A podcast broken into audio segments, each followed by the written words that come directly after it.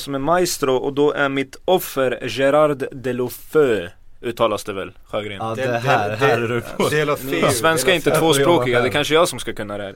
Gerard Delofeu eh, 20 bast eh, Tillbaka i Barcelona efter en utlåning till Everton. Han, eh, lite historia då, han har vunnit eh, U19-EM med Spanien när han var 17 eh, Gjorde bra ifrån sig trots att han var två år yngre. Bland annat ett mål i semifinalen.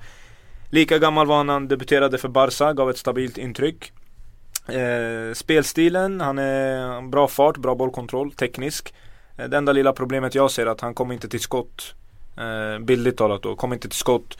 Eh, de, de sista, alltså 10 procenten kan man säga.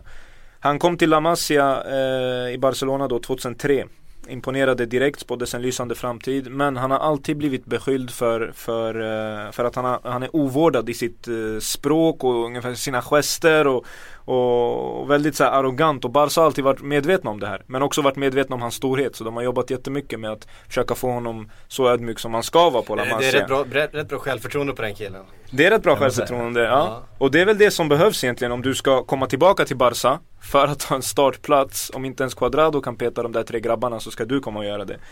Eh, ett exempel, ett konkret exempel på hans kaxighet var efter att Barca mötte, Barca B mött Numancia. Eh, och så hade han blivit utbytt och så mötte han pressen. Och så säger han, eh, jag blev tyvärr utbytt och det betyder tyvärr att någon av mina lagkamrater får spela.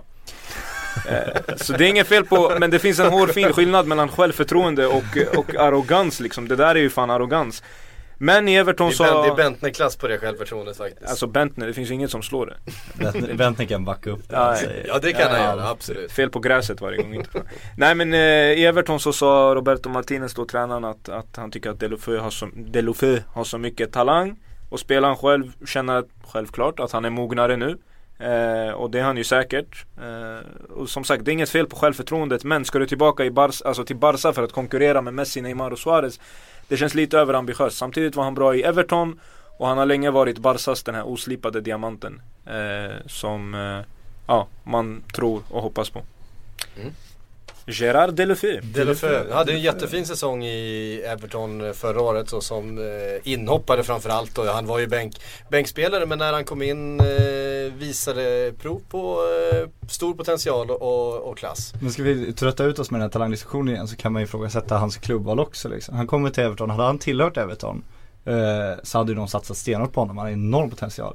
Nu vet de att han kommer vara här ett år liksom. Då kan vi ha honom som lite joker, vi kan ha honom som lite inhoppare. Vi behöver liksom inte ge honom det, det enorma förtroendet som han kanske hade utvecklats mer av. Nu, nu, vet jag inte så mycket om själva bakgrunden till affären men det känns lite som att Barca kör sin, sin, sin vanliga strategi att ja, men, lån. Ja men där har du Roberto Martinez ganska mycket eh, också. Ja, men... eh, Katalan, han, han eh, spelar på ett sätt, de vet att han kommer få en roll som är inte helt olik den kanske han, han skulle kunna ha i ett Barcelona i framtiden. Jo men han, det är ändå ett år där han är bänkspelare. Är det det man ska ha i den åldern? Fast han hade väl tian om inte jag har fel?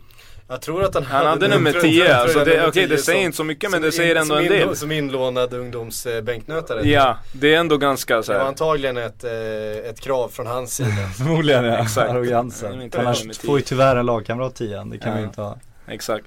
Nej men hade väl någonstans också eh, uttryckte sig på något sätt som att han, han var den självklart bästa spelaren i Everton. Eh, jo men, han spelade ja, men det är det jag menar. Vad fan han borde ju vara en klubb som tillhör de som, vill satsa, som verkligen vill satsa på honom. Nu blir han liksom lite inhoppare, lite joker i Everton. Det är kanske inte det mest utvecklande. Nu ska han till Barcelona, där kommer mm. han definitivt bli bänkspelare. Är det det mest utvecklande nu? Alltså det handlar liksom generellt om att han ska kunna gå den här balansgången mellan hur mycket självförtroende och hur mycket arrogans han har. För att visst, alltså okej, okay, du ska ha en, en inställning att du kan bli hur bra som helst, att dina begränsningar bara är mentala och inget annat.